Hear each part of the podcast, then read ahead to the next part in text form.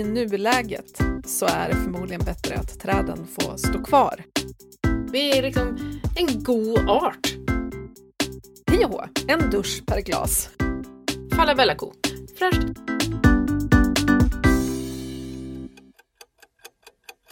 Idag är det dags för frågepoddingen. Är du taggad? Sitter du på alla svar? Vis i Värmland checkar in. Ja, ja. Smart i Stuvsta ska försöka hjälpa till så gott det går. och vi gör ju frågepoddar med jämna mellanrum och frågorna brukar ju variera hejvilt kan man säga. Vi brukar väl röra oss från ja, men, eh, kofisar till kompiskonflikter typ. Ja, mycket relationer har det blivit och flyget. Ständigt detta flyget. Ja, och vi som ska försöka svara på era frågor heter... Maria Soxbo bor söder om Stockholm och flyttade hit för att hitta jobb som journalist. Vilket kanske är ett problem i sammanhanget eftersom jag vanligtvis ställer frågorna och inte kommer med svaren. Men, men. Och du är? Är också en person som är utbildad att ställa frågor. Emma Sund, journalist i grunden, som lämnade glassiga mediebranschen i Stockholm för den värmländska landsbygden. Dags för första frågan, va? Ja, men vi kan väl eh, mjukstarta i mejerihyllan, va? Mm, Här kommer mysigt. frågan. Svensk ekomjölk eller utländsk sojadryck när havremjölk känns omöjligt? Och jag antar att det är Mhm. smaken på havremjölken här som är problemet, alltså att man inte har principiella invändningar mot havre här. Men vad säger du, vilket hade du valt? Ja, ha- havre är ju sånt hemskt eh, spannmål. Havren, eh, djävulen? Nej. Jag använder ju svensk ekomjölk. Men gud vad det vattnas i munnen på mig. Det här är det här mejerihyllan. Ja. Ja, men, eh, om jag ska gå till mig själv så använder jag ju svensk ekomjölk där jag tycker om smaken, typ i kaffe. Önskar mig en eh, typ falabella-ko som kan, eh, som kan tillgodose mitt, eh, mitt behov. Eh, eftersom jag inte använder så mycket då vanlig komjölk. Och sen så använder jag typ havremjölk i allt annat. Gratänger, lasagne, pannkakor, våfflor. Ja, ni fattar. Men gissar att sojamjölk är bättre än eko-komjölk. Ja, alltså, Va? det här var jag tvungen att googla lite på eh, faktiskt. Jag hittade en Mm. superintressant BBC-artikel som Mm. nystade i just det här. Vilken vegansk mjölk är den bästa? Och då tog de också hänsyn till fler saker än bara utsläpp, vilket jag tyckte var intressant. Vattenåtgång, markanvändning till exempel. Mm. Och då är det helt uppenbart att komjölk är värst på alla fronter. Mm. Det går åt mer mark, eh, det går åt mer vatten och det resulterar i mer utsläpp för ett glas komjölk än någon annan liksom, mjölksort som är vegansk. Och att dricka ett glas komjölk om dagen kräver två tennisbanor med mark och det är tio gånger så mycket som för havremjölk. Ja men det är ju ganska mycket mark. Kan man tycka. Ja, eller hur? Det är kanske dags för våran drömbutik att eh, göra entré. Ja, Där den, liksom de vettigaste de vettigaste eh, alternativen är i majoritet och där man får gå bakom typ en dörr för att få tag i de här eh, produkterna som kräver mycket vatten och mark för att, och utsläpp för att få fram. ja, men verkligen. Det, är ju, det här ska man ju inte behöva googla innan man går till matbutiken. Liksom. Nej, de står ju liksom samlade där också. Ja, Komjölken, mandelmjölken, havremjölken, sojamjölken. Alltså det är ju inte lätt att göra rätt. nej men verkligen. Sen ska jag också säga att jag är en person som verkligen njuter av ett kallt glas komjölk. För det här var Biktpodden va? Eller har jag Ja, kommit fel? Nej, det är rätt. Det är bara att ösa Ja, på. härligt. Men eh, jag tränar verkligen på att se det som en lyx, någonting som jag unnar mig ibland. Ja, men det är väl en ganska vettig utgångspunkt i det här, tänker jag. Alltså om man får koll på att komjölk är den värsta sortens mjölk, men verkligen, Mm. verkligen älskar det, då kanske det ska bli den där liksom ultimata lyxen istället. Mm. Och att verkligen njuta av det för att man inte dricker det varje dag. Så. Falabella-ko. Falabella-ko, exakt. Ja, och Det är ju liksom också det här då med, för nu pratade vi om mark, vi borde också prata mycket mer om vatten. Vi har ju gjort ett Mm. avsnitt om vatten och hur det liksom är en resurs som vi tar för givet men som vi inte borde ta för givet. Typ. Klimatkrisen handlar ju typ bara om vatten. För mycket vatten eller för lite vatten. Ja, precis.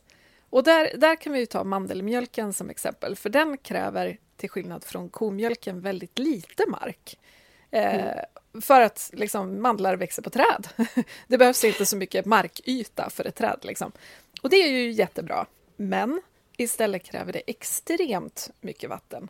Det går mm. åt fyra liter vatten för att få fram en liten mandel. Och mm. det går åt 74 liter vatten för ett glas mandelmjölk. Hej och hå, en dusch per oh. glas. alltså, och det är, ja, det är samma, ganska mycket. Ja, det är ganska mycket. Och samma med rismjölk. Eh, där går det också åt jättemycket vatten. Rismjölk är väl inte supervanligt kanske att, att folk dricker, men, men det finns ju också i den här mejerihyllan, så det kan ju vara bra att veta. Det är en, också en vattenbov. Liksom. Så både mandel och ris går liksom bort. Vatten är ju för viktigt för att vi ska slösa på det viset, kan jag tycka. Mm. Och vi kanske inte odlar så här jättemycket ris och mandel i Sverige. Nej, det, Nej. det är rejäla importvaror vi snackar nu. Men sojamjölken då, om vi skulle försöka svara på frågan? du tycker vi ska svara på frågan? Okej. Okay. Eh, jo, havre och sojamjölk är ganska lika enligt den här forskningsrapporten som jag läste om på BBCs sajt. Sojamjölken mm. leder till lite mer utsläpp än havremjölk, men havremjölken kräver lite mer vatten. Men mm. båda är relativt bra. Liksom. Det är de bästa två alternativen av de här fem. Eh, sen bidrar ju sojamjölken noll till biologisk mångfald, vilket betande ekokossor gör. Så mm. det är ju liksom, ja, men det är väl precis som med kött. Man behöver inte avstå helt, man behöver inte bli vegan. Men man ska hålla sig till väldigt, väldigt små mängder och när man väl köper det så ska man välja rätt. Mm. Eh, alltså eko, gärna veta att det faktiskt är kossor som får beta ute, så naturbeteskossor och sådär. Så att, och det är ju lättare att ställa de kraven om man inte köper det varje dag, för då kan man kanske tänka sig att betala lite mer och känna mm. att så här, ja, men nu unnade jag mig det här och jag har gjort ett väldigt, väldigt medvetet val här. Mm. Vi kanske också ska lägga till det här med soja och eh, regnskogen. Ja, och För, eh, precis. Och det är ju faktiskt en, en allmän, ett allmänt missförstånd kring mm. det här. För att man tror att sojamjölk kommer från sojaodlingar som har liksom anlagts där det var regnskog. Men det, de sojaplantager som, som liksom har, där regnskogen har fått stryka på foten, det är djurfoder till kossorna. Ja. Eh, så om man köper brasilianskt nötkött till exempel, då är det extremt stor risk att den kossan har mumsat på soja som har odlats där man har skövlat regnskog. Men sojamjölk och soja som vi, alltså sojafärs, allt sånt här som vi människor äter, det är oftast odlat i Europa eller USA. Mm. Och där finns det ingen regnskog, så det är inte på bekostnad Nej. av regnskogen. Bra att eh, veta. Yes. Nu är det dags för en ny fråga. Mm. Är du med? Ja. Jag har mötts av så mycket motargument mot solenergi. Typ, det funkar inte i norra Sverige. Har ni konkret fakta som går att använda eh, som vattentäta argument mot dessa griniga gubbar? Mm. Surprise att det var griniga gubbar. Inga griniga tanter som tjatar om det här. Nej. nej. Nej. Nej, men det här med el och energi, det är ju krångligt. Eh, mm. jag, nu, nu kommer jag att gå lite off-road här, men jag vill passa på att ge en shout-out till Kristina Östman på Naturskyddsföreningen som fortfarande är den enda människa som har förklarat hur elproduktion funkar på ett begripligt sätt för mig. Mm. Ingen annan har lyckats med det här, men hon får mig att fatta. Hon är så bra alltså, och så tydlig. Ja, alltså hon är fenomenal. Eh, mm. och här är det ju till att börja med viktigt då att veta att vi inte får den el vi betalar för. Alltså, även om vi har ett elavtal med 100% vindkraft så är det inte 100% vindkraft i eluttaget, i väggen. Vilket mm. säger sig själv, för det går ingen kabel från vindkraftverken till lägenheten och vi kan tända lampan även när det är vindstilla. Eh, så alla får en elmix. Men däremot spelar det roll att vi väljer 100% förnybart, alltså vind, sol, vatten, i vårt elavtal. För ju fler som väljer det, desto renare blir mixen i den här elbassängen som vi alla får vår el ifrån. Så det var det. Mm. Och hur var det med solpanelerna då? Är det något att satsa på? Ja, ja men det är det. För, okej, nu kommer argumenten. På två timmar tar jorden emot lika mycket energi från solen som hela världens befolkning använder på ett år. Alltså, Alltså, två timmar. det är helt Det vore ju ja, det vore ju ganska dumt att inte utnyttja det, kan man tycka. Yes. Eller? Ja. Argument nummer två. Solceller är ett av de mest skonsamma sätten att producera energi på enligt, enligt Naturskyddsföreningen. Och det gillar man ju. Ja, verkligen. Vi ska ju liksom inte lösa ett eh, problem genom att skapa ett annat problem. Inga fåglar som flyger in i vindkraftverken och ingen fisk som fastnar i vattenkraftverken. Precis. Får jag lägga till Ja. en liten, liten sidogrej där? Ja, absolut. The road is yours. Att, Gud, sidospårspodden igen. Eh, jo, det här med att fåglar flyger in i vindkraftverk. Det kan vara värt att påpeka att det är fler fåglar som dör av eh, huskatter än av vindkraftverk. Många, många, många fler. Ja, där är ju jag skyldig då som är kattägare. Fåglar dör av olika orsaker, men vindkraftverk ain't the biggest one, om man säger så. Nej. Eh, tredje argumentet. Om alla lämpliga tak i Sverige skulle användas för att producera solel så skulle vi få ihop 40 terawattimmar, det vill säga ungefär en tredjedel av den el som vi använder idag. Alltså, eh, ja tack. Ja, alltså det är, det är ju, jag menar en tredjedel, det är rätt mycket. Varför inte liksom? Ja. Men eh, ja, är det inte bara i södra Sverige det funkar då? Undrar några griniga gubbar i norr. Hej alla griniga gubbar i norr. Nå, det funkar bättre i södra Sverige. Det ska de ha gubbarna. Eh, södra Sverige har ungefär lika mycket solinstrålning som norra Tyskland och det är ju världens mest solcellstäta land. Så det är bra att veta. Och Danmark har sju gånger så mycket solceller per person som vi har. Så att, eh, vi har samma solinstrålning men vi utnyttjar inte lika mycket. Och vi har mer mark än Danmark, kan man ju också lägga Ja, till. precis. Ja, det har vi verkligen. Eh, så vi kan absolut dra på med mer solceller i södra Sverige. Men det betyder inte att det är lönlöst i norra Sverige. För även om solceller ger mindre el när det är mörkt på vintern så slutar de inte producera el. Det är det som är så smart. Solceller har utvecklats så enormt mycket. De blir mer effektiva och eh, fungerar när det är mulet. Och faktum är att reflektionen av ljus från typ snö och i kombination då med kyla ökar eh, solcellernas verkningsgrad. Är inte det sjukt? Ja, men det är ju fantastiskt ur norra Sveriges synvinkel. Dessutom så bränner vi ju mest el mitt på dagen och då är det ju faktiskt ganska ljust även i norra Sverige. Och även på vintern. Precis. Och sen så finns det ett argument till. Fler solceller skulle troligtvis sänka elpriserna. Och ja, det kanske det är många som vill. Det är väl bra argument till gubbarna i norr, Jajamän. eller? Ja, det tycker jag. Och sen så också ska sägas att solceller blir ju allt mer effektiva. Eh, så att det här gammelsolcellerna som bara fungerar den där solen sken. Det är liksom Det är historia. Det är så Solia, va? 2018 eller något. ja, sant. Och sen har vi ju en grej till att tänka på när det gäller el. Inget energislag står för hela lösningen. Det blåser mer när solen inte skiner, så alltså är det ganska smart att satsa på både vindkraft och solenergi. Och i Sverige har vi ju mycket vatt- vattenkraft, vilket går att lagra och det är ju bra när det är mörkt och vindstilla. Så mixen är ju liksom grejen, men däremot så kommer mixen att se olika ut i olika länder. Länderna kring Mm. ekvatorn kommer säkert ha mycket mer solceller per capita än oss, vilket Mm. liksom inte är så konstigt med tanke på att solen skiner typ jämt där.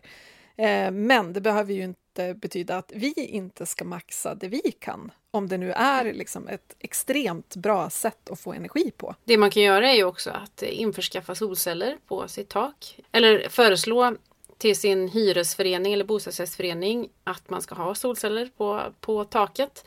Och kanske också investera i solceller någon annanstans. Ja, verkligen. Det här går ju liksom att hjälpa till till den här omställningen, för det är ju också fantastiskt om länder som idag är beroende av kolkraft byter ut det mot solceller. Liksom. Och det är ju väldigt många länder i, i just kring ekvatorn och så som, som behöver göra den här omställningen. Och då kan vi bidra med pengar. Det är ju sjukt bra. God, god investering. Ja, Ja, det finns massor att säga om solceller. Vi kanske får göra ett avsnitt om just solenergi.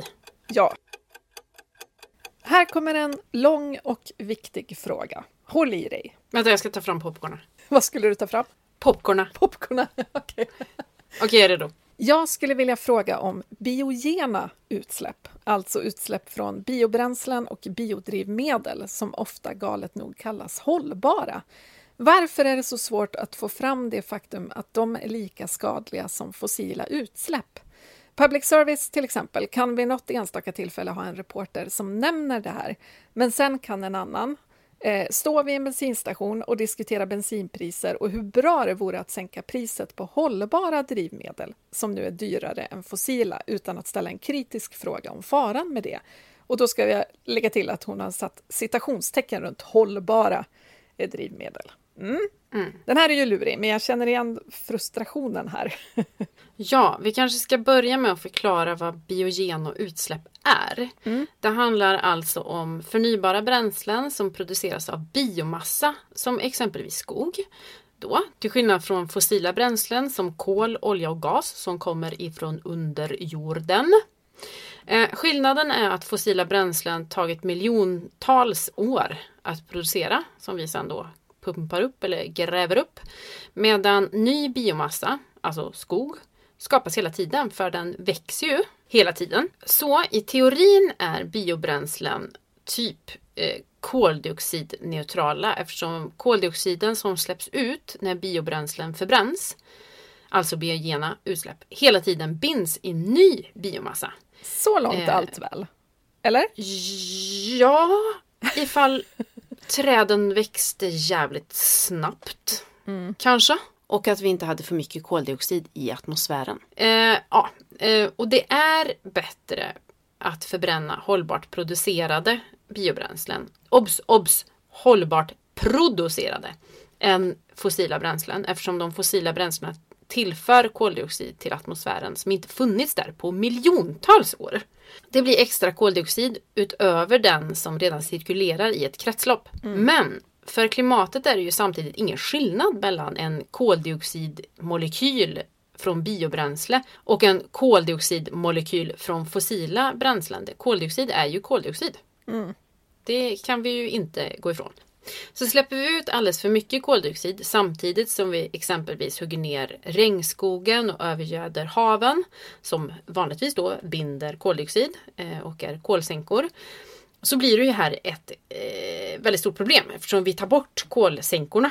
Eh, även om det liksom är biobränsle vi använder. Ja, exakt. Och plus för varje träd eller liksom andra växter och så vidare som också kan leda till biobränsle. Då. För varje sånt som vi tar bort och förbränns så försvinner ju också ett träd som suger upp koldioxid. Så det är liksom lite av ett nollsummespel, men eftersom, precis som du var inne på, att träd växer långsamt, så det går fort att förbränna ett träd. Det går långsamt att liksom skapa ett nytt träd. Så det, det går i olika takt och det är väl en väldigt stor del av problemet. Men du nämnde det här med obs, obs, obs, hållbart producerade biobränslen. Vad är det? Då? Ja. ja, men hållbart producerade biobränslen handlar om återplantering, alltså att uttaget av exempelvis skog då inte får överstiga tillväxten, alltså eh, att det växer upp nya träd. Eh, och här snackar vi ju bra tillväxt för en gångs skull, nämligen skog. Ja. Ja. Sen finns det också en eh, massa andra kriterier kring då hållbart producerade biobränslen. Exempelvis att man inte får använda fossila bränslen för att ta fram biobränslen. Det är ju rimligt. ja, men det är ju verkligen rimligt. Sen kan det också vara intressant om man vill veta mer om biogena utsläpp att man läser DNs granskning om det här. För de har gjort en stor grej på det här med, med just Sveriges biogena utsläpp. Och en riktigt lurig grej med dem är ju att de inte räknas. En koldioxidmolekyl är en koldioxidmolekyl, men inte i Sveriges officiella statistik. Utan där redovisas liksom eh, hur mycket vi har minskat de fossila utsläppen, men vi redovisar inte de ökande biogena utsläppen. För om man byter liksom fossilt bränsle mot biobränsle i en bil, då ökar ju det ena även om det andra minskar. Kreativ eh, bokföring, eller? Mm, verkligen. Ja.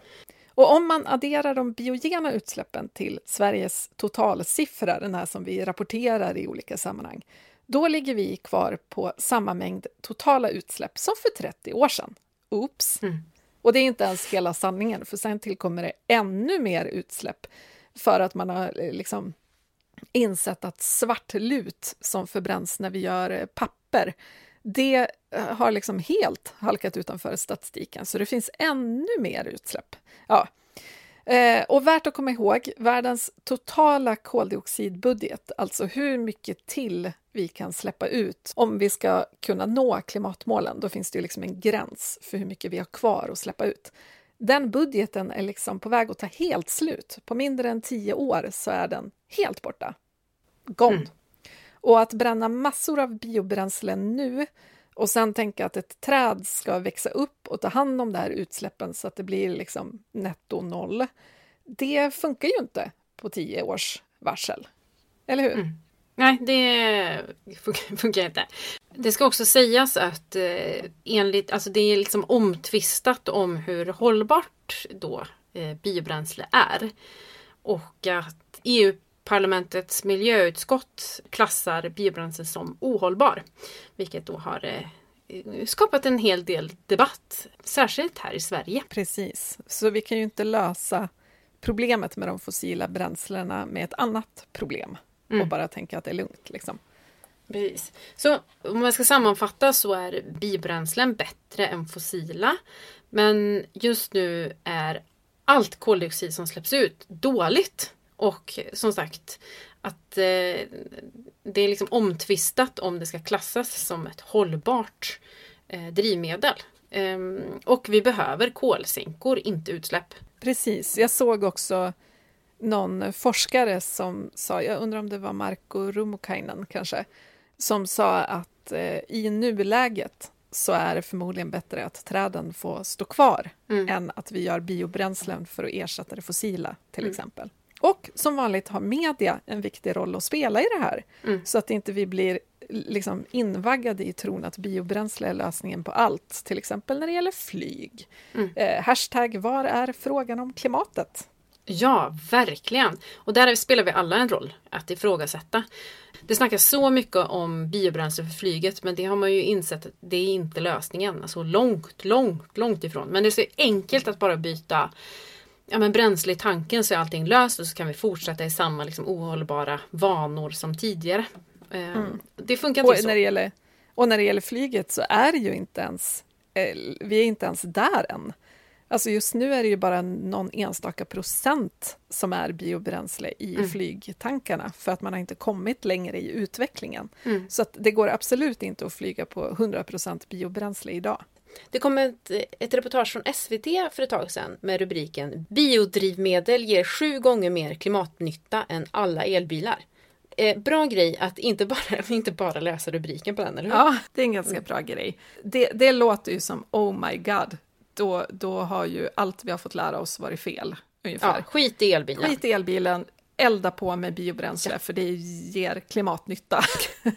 eh, men anledningen till att det är så här, för det är ju inte som att det är en lögn, utan det är ju för att 97 procent av alla bilar som är i trafik idag har en bensin eller dieselmotor. Så om man ändrar bränslet i de bilarna till mer biobränsle så blir ju det en ganska stor effekt, för det är så sjukt många bilar. Det är bara 3% av alla bilar idag på gatorna som är elbilar. Mm. Så de har ju liksom inte hunnit göra så stor effekt jämfört med, alltså att man har bytt 3 fossilbilar till elbilar är ju, har ju inte jättelika stor effekt såklart. Mm. Men alltså på det stora hela, elbilen är bättre och framförallt ska vi åka mindre bil eller hur? Ja, ja men alltså vi måste ju åka mer kollektivtrafik och vi måste cykla mer och vi måste gå mer. Det finns ju inte med i den här uträkningen såklart. Nej. Och minska antalet parkeringsplatser också så färre vill köra bil överhuvudtaget. Det om något ja, ger ju stor effekt. Tänker man. Bara en sån sak som att alla bilar har däck som släpper ifrån sig mikroplaster när man kör, mm. oavsett bränsle eller el eller vad det än är. Eh, så att vi måste minska mängden bilar oavsett vad de har för sorts bränsle. Mm. men vi, vi, kan ju fundera på vad träden ska användas till och ett vanligt argument är ju att man använder ja, men delar av trädet som, inte, som är en restprodukt som man kanske inte kan bygga hus av eller eh, göra något annat vettigt av. Typ grenar och toppar, att, att typ man räddar dem och så gör man biobränsle av det istället. Så man har gjort en god gärning. Men! Klipp till mitt husbygge där vi bygger av fanfar träflis gjorda mm av grenar och toppar. Så det går, det går ju faktiskt att använda de här. Man behöver inte bränna upp eh, skogens delar utan man kan ju faktiskt använda dem och liksom kapsla in de här kolsänkorna i husen istället. Mycket smart. Här kommer nog en fråga till landsbygdsversionen av mig. Spännande! det vill säga dig. Mm, mm, härligt! Jag har en fråga som vi diskuterade idag när vi åkte genom glesbygden i Dalsland och pratade om ökade priser, skatter, kostnader och hur det här slår mot dem som inte har möjligheten att åka kollektivt. Mm. Jag argumenterade för att vi alla måste ta ansvar, men som min sambo sa, vill vi inte ha någon glesbygd eller landsbygd kvar? För i dagsläget baseras mycket av klimatpolitiken på storstäder och vi som bor med alla möjligheter att göra rätt, men som väljer fel. Hur ska de som tvingas ta bil på grund av inget alternativ göra? Det blir som en dubbelbestraffning. Svårt att argumentera om, men ni kanske har ett rakt svar på det. Ja, vad säger du där borta på den värmländska landsbygden? Ja, men värm värmländska landsbygden checkar in här. Jag ska försöka svara. Vi behöver förutsättningar att göra rätt oavsett om vi bor i stan eller på landsbygden. Eh, sen så mm. kan man ju förstå att det finns olika förutsättningar och eh, ingen ska komma i kläm. Ja, det kommer vara så att några som kanske bor på glesbygden och jobbar någon annanstans behöver bilen och då kanske man ska få eh, möjlighet att använda en elbil. Kanske att man eh, kan få den subventionerad på något vis. Men de kollektiva lösningarna som gynnar alla, det måste eh, slå högre. Alltså det måste liksom vara det vettigaste, det billigaste, det, det man satsar mest pengar på, det, man, eh, det som ska vara till för alla. Vi behöver också en grov decentralisering som gör det möjligt för fler att eh, leva utan bil och skapa lokala arbetstillfällen. Det här har vi bara att vinna på. Um, Ja, 15 minute village. Ja, 15 minutes village. Eller, eller ja, 15 minutes country kanske. Det är svårt mm. men vi ska väl aima för något tänker jag. Att fler ska kunna välja cykel och gå till typ skola, förskola, äldreboenden, seniorboenden, eh, matbutiker, allt det där som vi behöver. Eh, så vi slipper ta bilen. Precis, det är väl det som är lite problemet, precis som hon i frågan här säger, att klimatpolitiken baseras på storstäder. Mm. Och det är ju liksom inte uttalat så, utan det beror ju bara på att 85 procent av Sveriges befolkning bor i städer och tätorter. Mm. Eh, så man tycker att man fattar beslut som berör så många som möjligt, men då hamnar ju 15 procent på landsbygden i kläm hela tiden. Mm. Eh, och jag tänker att, att alltså jag är inne på att fler subventioner kanske borde vara behovsprövade. Ja! Hundra procent med dig! Eh, det är lite som när jag tänker nu när de här bränsle när man försökte kompensera för de galna bensinpriserna mm. och alla bilägare fick tusen spänn. Mm. Och man bara, men vänta nu lite. Vi kanske också ska förtydliga att det här förslaget inte gick igenom. Men ja, fortsätt. Ja, precis. Är det inte så att de i glesbygd och på landet som inte har något alternativ kanske borde få 5 000 spänn istället mm. och storstadsborna noll? Ja. För vi behöver inte eh, få en belöning för att vi äger en bil när vi har kollektivtrafik utanför fönstret. Liksom. Och det, ju, det finns ju såklart bilberoende människor även i storstad. Jag är ju en av dem, eller rättare sagt min man är eftersom han jobbar så konstiga tider. Mm. Men det betyder inte att vi ska få det subventionerat, för vi är ju i det här fallet minoritet. De mm. allra, allra flesta klarar ju sig med kollektivtrafiken. Mm. Så att jag tänker generellt liksom just det där att på sikt måste det ju allting vara utbyggt ordentligt, alltså kollektivtrafik och laddinfrastruktur och allt det här måste vara utbyggt över hela Sverige och inte, inte bara i storstäderna. Det skulle vara som att vi inte hade internet på mm. landsbygden. Liksom. Eh, men fram tills det är det så kanske man måste sätta in jättemycket subventioner just för att de som inte har något val måste kunna leva ett rimligt liv ändå. Mm. Jag är ju helt fin med att någon, alltså jag ska avstå utsläpp för att någon som har fem mil till jobbet och det går ingen buss om man har inte råd med elbil ska få köra sin fossilbil. Liksom. Ja, jag önskar ju att alla ska få förutsättningar att släppa ut så lite som möjligt såklart. Det vet jag att du är, håller med mig om. Men att, att man ska få så goda förutsättningar för att kunna göra ett hållbart och vettigt val. Men idag så tror jag att det är många på landsbygden som känner att klimatpolitiken inte är för dem. Jag tror inte att man känner sig inkluderad i den klimatpolitik som förs. Och Nej, kollektivtrafiken precis. är svindyr. Man har liksom inte enhetstaxa, typ att det kostar lika mycket att åka en eh, station som så här, tio stationer. Utan det är typ dyrare så ju längre bort man åker, vilket är helt jävla fucked Apropå dubbelbestraffning. Ja, då så här, om jag vill bo på landsbygden, men då ska jag fan betala mer för kollektivtrafiken. Alltså det är så, det är så det är verkligen dubbelbestraffning. Lösningen tror jag är bokningsbar kollektivtrafik, eh, decentralisering, alltså en kraftig decentralisering som också skapar en hel massa fantastiska lokala jobb och förmodligen mm. en härlig liksom, gemenskap i liksom, tätorten eller bygden eller glesbygden. Att man, och att man blir sedd, tror jag. Som landsbygd alltså, och glesbygdsbo. Att så här, jag, jag tror att det var han Po Tidholm som skrev så här, att varje, eh, varje liksom så här, skada i vägen på landsbygden är en påminnelse om att man inte är prioriterad. Och jag tror att han har så jädra rätt i det. I att ja. man känner sig inte sedd. Utan man vill ju såklart få förutsättningarna och då eh, ja, det är, jag menar, biltrafik är ett problem här också. Eh, det körs alldeles för mycket bil. Mm. Men det är ju för att förutsättningarna inte finns och att normen är så stark då kopplat till det här. Ja men precis, och det är det, alltså nu, nu fick jag en tanke här. Ja, spännande. vi, vi har ju pratat om att Frankrike har haft ett medborgarråd mm. eh, där liksom medborgarna får komma med massa förslag på vad som de tycker behövs för att man ska kunna leva ett hållbart liv och så vidare. Och det skulle jag vilja se i Sverige, men bara med gles och landsbygdsbor. Ja, Lätt. Som får säga exakt vad deras utmaningar är, så inte de drunknar för att de är 15 procent bara. Utan mm. de får se exakt vilka utmaningar de har, vad som skulle underlätta för dem att ställa om, vad de tycker att de inte blir hörda kring och så vidare. Mm. Och sen så kan man liksom... Sen ska ju inte det såklart styra all politik heller, för att det som funkar för glesbygdsbor funkar ju inte för storstadsbor i alla lägen. Liksom. Mm. Men att, att verkligen specifikt ta reda på vad behöver någon som bor långt utanför närmaste stad. Liksom. Mm. Det tror jag skulle vara jättebra. Sen tycker jag också det är skevt att om man tittar på en karta Ja, men ta det här med, med, elbilar. Om man tittar på en karta över Sverige var laddinfrastrukturen är som bäst så är ju det i storstäderna.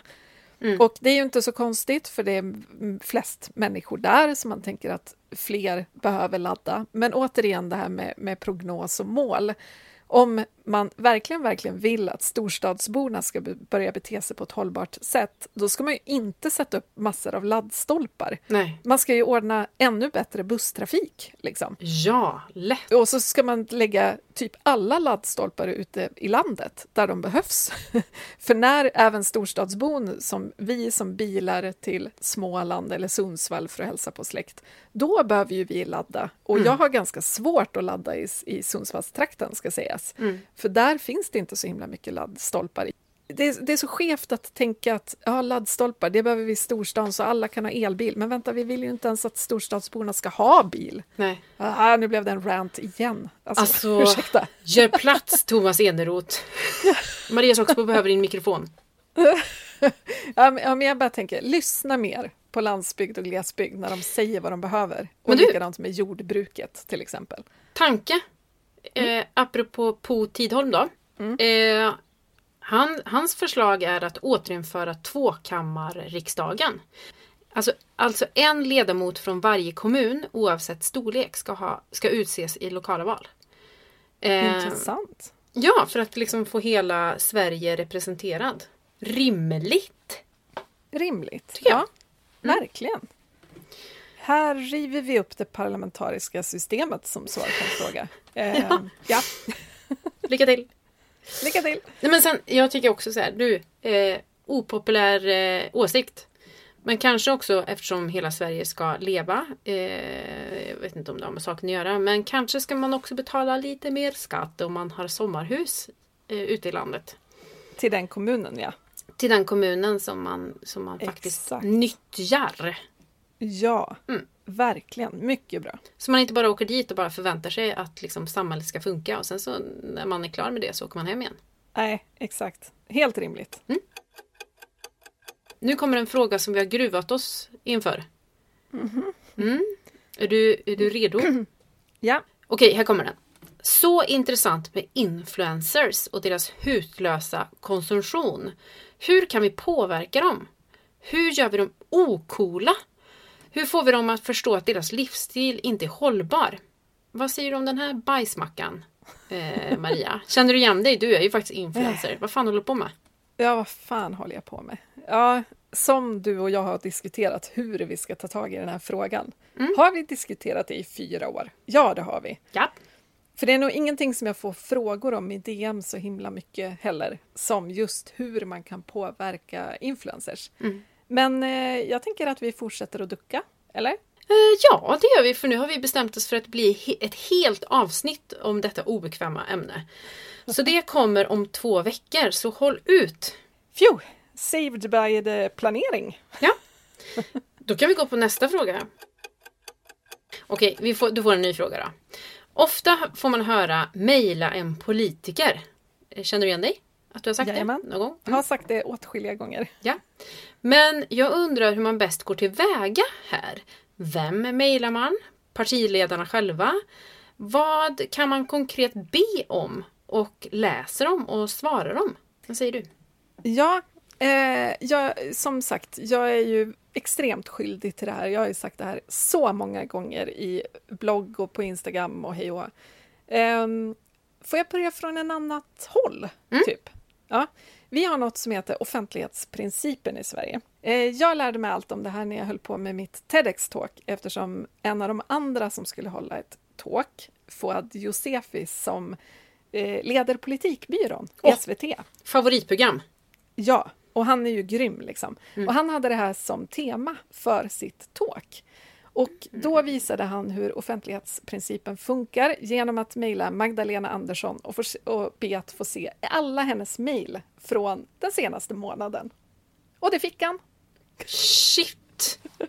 Det är helt sjukt, men det är helt sant. Och det här är, alltså, TEDx Talks liksom sänds ju över hela världen, så det är ju främst tänkt att ses av människor i andra länder. Mm. Och tänk hur liksom, det kommer att blow their minds när de ser det här, för att det här är ju en helt orimlig tanke i de flesta länder. Mm. Tänk dig att liksom mejla Putin och be att få se alla hans mejl. Ja tack. Hur som helst, mejl till de politiker som sitter i regeringen blir alltså allmän handling. Det kan vara bra att känna till, så att mejlar man en minister till exempel, då måste de ta mejlet på allvar, för det är en allmän handling. Bra grej! Mm. Mm. Dessutom är inte, eh, däremot är inte mejl till riksdagsledamöter och partiledare som inte sitter i regeringen, det är inte allmän handling. Det vill säga, man, mejlar man Mag- Maggan, då blir det allmän handling. Mejlar man Uffe så blir det inte det. Mm. Bra att känna till. Så. Sidospår, men värt att veta tycker jag. Eller? Ja, eh, det är ju såna här grejer som man lärde sig när man pluggade till journalist men som jag tänker att de flesta inte känner till och verkligen inte uppskattar tillräckligt mycket tänker jag. Eller utnyttjar kanske. Nej men exakt. Och det här är ju liksom en... Eh, anledningen till att det här finns är ju typ dels för att media ska kunna granska makten. Eh, men också för att liksom förebygga korruption. Så att det här är ju en superviktig grej. Ah, ja. Tillbaka till ämnet. Eh, Sidospårspodden halkar tillbaka in på rälsen. Mm. Välkommen Smarty Stuvsta. Tackar. Hur mejlar man en politiker? Jag tänker att det beror på vad man vill ha sagt. Alltså, rör det någonting, om, om det är någonting som rör platsen där man bor på, typ att det saknas cykelbanor eller vad det nu kan vara, för dålig information om hur det går för kommunen när det gäller utsläppsminskningar, den typen av grejer, ja men då ska man ju mejla lokala politiker, såklart. Och då är det ju förslagsvis politiker som sitter i kommunfullmäktige till exempel.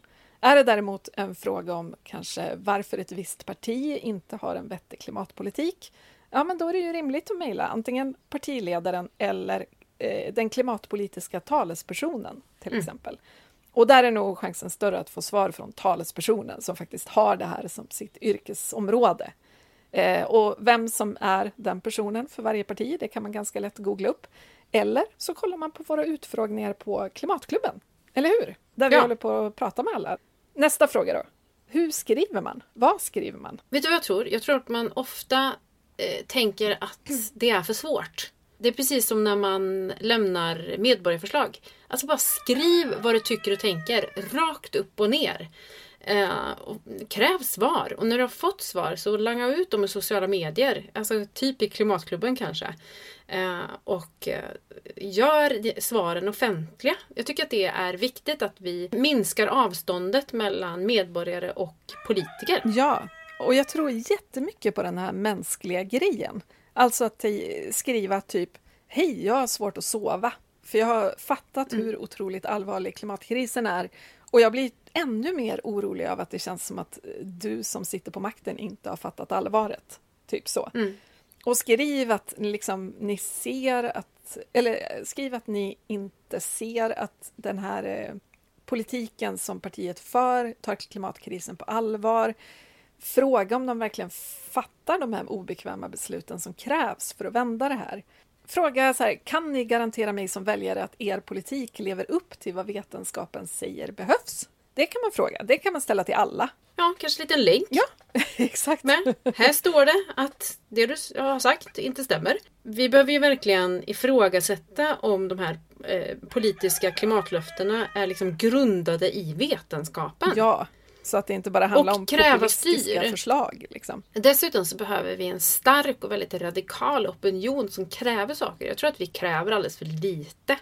Vi behöver fler som mejlar politiker och fler som höjer sin röst. Liksom, fler som ber om typ styr eller liksom kraftiga krafttag så att eh, politikerna känner att det finns en opinion för det. För de vill ju bara ha röster. Ja, men exakt. Och om man då ska vända sig till lokalpolitiker, ja men använd samma grej liksom.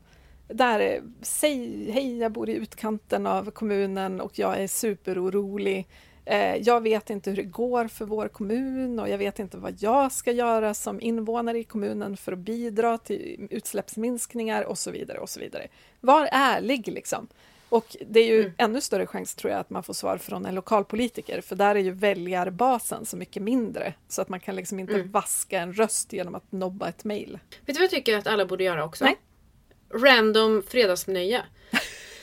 Mejla en lokalpolitiker, kanske i en, kommun, i en kommun som du inte bor i och säg så här. Jag funderar på att flytta till er kommun. Eh, men innan jag gör det så vill jag veta eh, hur ni jobbar med omställningen och eh, hur allvarligt ni tar på klimatfrågan.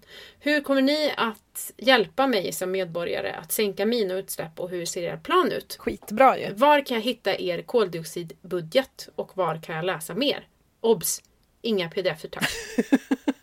Ingen länk till en databas tack. Det här tänker jag liksom är ett lite trevligt eh, nöje som kan göra skillnad. Eh, för att jag tror att det här är den typen av frågor som allt fler kommuner behöver eh, ta i. Just när man ser en utflytt från storstäderna så behöver man vara konkurrenskraftig. Så kan jag se det som en hjälp Ja till kommuner. Svinbra! Och om man vill ha lite argument så kan man också gå in på klimatkollen.se som vi har varit inblandade i på ett hörn med Klimatklubben.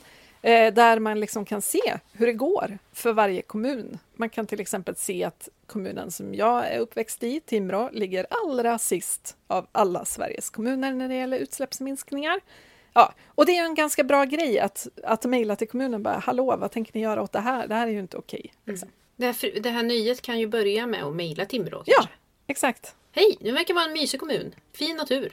Men det här. Punkt, punkt, punkt. ja, precis. Och så ska man ju komma ihåg att tre mejl till en politiker, alltså personliga mejl, det är ju en Twitterstorm, typ. Så det är ju värt att skicka det där mejlet, för att det är ju trots allt en minoritet som faktiskt tar det steget och kontaktar en politiker. Klimatklubbens medlemmar kraschade ju en gång en mejlserver på regeringskansliet, var det va? ja. Eh, I ett skarpt läge där vi tyckte att hallå, nu måste ni ta klimatet på allvar. Och se vad som hände. Lite kaos, ja.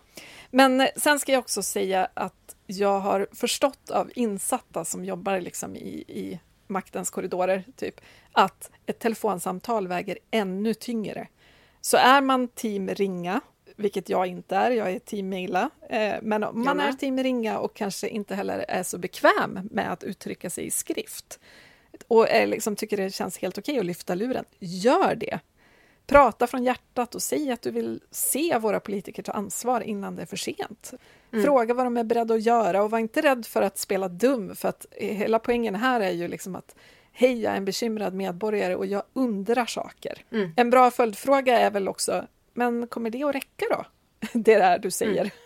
Vad har ni för uträkningar? Precis. Det där gjorde faktiskt min man John. Gjorde han det? Uh, ja, han ringde runt till, inte hela kommunfullmäktige tror jag, i kommunen vi bor i, men han rev av ganska många kring en specifik fråga uh, för att höra lite hur de tänker och tycker inför ett stort beslut. Svinbra ju, verkligen. Mm. Och sen är ju olika... De blev lite tagna på sängen tror ja. jag. Sen är ju olika politiker olika bra på att svara, såklart. Men kom ihåg att alla politiker tar ju väljare på allvar. Så att man kan liksom inte bara borsta bort oss som en liten fågelskit på axeln, liksom, utan vi är ju ändå trots allt det som gör att de får jobba med det de gör. Så liksom, tänk att man har en väljarmakt här. Ja men verkligen, man ska se, man ska se sig mer som en konsument. Ja, precis. Här kommer en kort och koncis fråga. Hur flygpratar man? Jag tycker att flygprata är superviktigt och svårt. Ja, men jag är team eh, prata om fördelarna med tåg. Att man kan ta nattåget till Berlin och sen så kan man berätta om alla som har gjort det bara för att liksom jobba på flockdjursmentaliteten. Och eh, lyfta liksom fördelarna med alltså att det är smidigt och att man får uppleva massa saker på resan och bla bla bla. Det där känner ni till. Mm. Men sen då om det är någon som så här, kort och gott bara, eh, ja men jag ska dra till Spanien i sommar. Då kan man ju vara den här personen som har gått vidare och lever i framtiden som, ställer, som, som kommenterar det hela med Wow, gud vad coolt! Vilken tågrutt tar du? Precis. Hur lång tid tar tåget dit ner? Ska ni stanna till på vägen? Ja, precis. det, det, här kallar vi ju i Gör skillnad-boken för Fake it till hen makes it. Eh, vilket jag tycker ja. är väldigt, väldigt roligt av oss. Ja, men jag tycker det, det, eh. det är mycket det som det handlar om, tror jag. Att typ prata om flyg och tåg och så vidare på ett sätt som om det redan har hänt. Att det redan är mm. norm mm. att ta tåget. Att liksom prata som eh, att prata om det som en, att det är en självklarhet att man inte flyger mm. i det här läget. Utan nej men alltså jag kommer ju åka tåg så att jag kommer fram då och då eller jag behöver åka så här tidigt eller det ska bli så himla härligt eller vad som helst. Att det är liksom inte en eh, slå på stora trumman för att man tar tåget utan bara säga men nej men jag kommer ju med tåget så vi kan väl ses där och där. Så. Mm. För det är så man gör det till en norm, tänker jag. Att det mm. inte är det jätteudda, konstiga liksom, nischalternativet för miljömuppen utan att det är någonting som alla borde göra. Ja, och att man lever lite mer i framtiden. Att det, fossilflyget är liksom fossilt. I dubbel bemärkelse. Det var liksom dåtiden, det är så man gjorde förr. Ja, och sen så kommer det här ett supertips faktiskt. På vi håller oss på jorden.se eller vi håller oss på pajorden.se, men ni fattar. Pajorden? vi håller oss på jorden.se. Där finns det en hel drös material kring hur man pratar om flyg. Det finns en flygpratarguide, det finns eh, liksom svar på de 27 vanligaste argumenten, det finns tips från andra som är bra på att prata om flyg och så vidare. Så att in och botanisera, för det här är ett så jädra bra ställe att utgå ifrån för att våga snacka flyg. Och vill du ju make a statement utan att snacka så har de typ pins ja. där det står jag är flygfri på. Det här tänk, jag är inte så mycket för merge i vanliga fall men eh, här är faktiskt ett sätt att visa var man står i frågan. Och också förskjuta en norm såklart. Ja. Sista frågan. Nu jäklar blir det plan B-podd. är du beredd? Mm. Mm, här kommer den. Jag skulle vilja höra fler goda framtidsvisioner. Hur ser samhället ut efter omställningen, tro? Take it away, potatis-Emma. Eh, vis Värmland, tack. Eh, nej men, herregud, nu, nu sista korta frågan. Nu är det snabbt som gäller, eller? Ja, nu, nu kort och kärnfullt och jädrigt bra hisspitch vill vi ha. Okej, okay, eh, vi lever i ett decentraliserat samhälle eh, där vi har allt på cykel och gångavstånd. Vi har eh, vi har ganska tydliga ramar i samhället. Det är väldigt svårt att eh, trampa fel, så att säga. Utan vi puffas i rätt riktning genom att eh, ja, men subventionera tåget, kollektivtrafiken, kanske till och med gratis. Och eh, det är jävligt ovärt och typ vulgärt att eh, åka på en flygresa till solen och köra fossilbil när det finns godare alternativ. Bra. Jag tycker också att det är ett, ett rimligt samhälle. Liksom. Alltså det är en, en så här skön lunk i samhället. Det är inte det här hetsiga ekorrhjulet, utan det är verkligen en, en, ett mycket mer behagligt tempo. Vi jobbar lagom mycket, 30 timmar i veckan kanske. Och då betyder det att vi orkar jobba ideellt, vilket känns bra i magen och hjälper, liksom bidrar till samhället. Och så orkar vi ta hand om oss själva, vi orkar ta hand om våra grejer, vi orkar ta hand om varann. Och det här i sin tur leder till att vi kan mer. Vi kan laga och lappa och sylta och fixa och sy och liksom ordna olika typer av liksom, eh, ja, men, dra ihop någonting i bygden som hjälper omställningen och sådär. Och det är liksom en härlig känsla i det, för det är ju något härligt. Det gör ju någonting med, med självkänslan om man känner sig kapabel, tänker jag. Nu kan vi ju typ ingenting. Vi klickar ju hem allting. Och sen har vi en god känsla i kroppen utan skav. Just nu så lever vi ju väldigt vulgärt. Vi lever på bekostnad av eh, typ alla andra. Fräscht! Men i framtiden så gör vi inte det. Utan det här skavet är borta och det mår vi jävligt bra av. Vilket gör att vi kan vara trevliga mot varandra. Ja! Det, det ser jag fram emot. Vi är liksom en god art eh, på, den här, på den här planeten. Hisspitcha människan. En god art. Ja, en god och glad eh, art.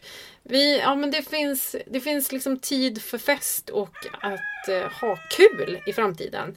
Eh, och slippa det där skavet om att man lever på bekostnad av någon annan. Och den här goa arten snackar mer med varandra också. Alltså vi Mm. lånar saker av varandra, vi ber varandra om tips och hjälp och vi erbjuder hjälp och vi ser till att så många som möjligt har det bra. Vi är liksom lite mindre ego i vår egen bubbla och istället tittar vi ut och höjer blicken och liksom ser att oj, där borta är det någon som behöver något och jag vet ju hur man löser det här. Så, Vi vet mer också. Vi har liksom koll på vilken mat som är i säsong eller ja, men hur stor skillnad det är på att köpa en begagnad tröja istället för en ny. Så det är liksom no-brainer att fatta bra beslut, tänker jag. Vi människor mår ju bra av att bidra. Ja. Eh, och det kommer vi kunna göra i framtiden på ett vettigt sätt. Odla relationer, liksom. Ja. Och mat. Sen har vi, ran, vi har ju ranson också. Ja, just det. Men, Och vi tycker att det är ganska bra faktiskt. ja, men precis. Ja men jag tror att vi kommer må bra av lite ramar. Och jag tror också att vi har ett mycket härligare lokalsamhälle. Du var ju inne på decentraliseringen. Och jag tänker också vad det, det faktiskt innebär även om man bor som jag i ett villaområde utanför en storstad. Att mitt lilla lokalsamhälle här i förorten är också ett eget samhälle. Alltså att här kan jag liksom handla närproducerad mat och här finns det natur och det finns liksom en lokal patriotism i att gynna det lilla bageriet eh, vid busstationen och sådär. Att vi liksom ser fördelarna med att inte importera och transportera och sådär utan att vi vill liksom ha en, en levande by runt oss även om den byn är en förort och inte en by på landet. Mm. Jag tycker det ska bli så jädra mysigt det här. Ja det kommer bli Jag är fantastiskt. såld. Är du? Jag är med, jag köper. Skitbra! Då säger vi så. Ja, tack så mycket för alla frågor. Ja, och skicka gärna fler, för vi gör ju såna här poddar med jämna mellanrum, så det är bara bra om vi har ett lager. Skicka frågor till antingen på DM på Insta eller till planbpodden at gmail.com. Topp! Vi hörs! Hej då! Hej då!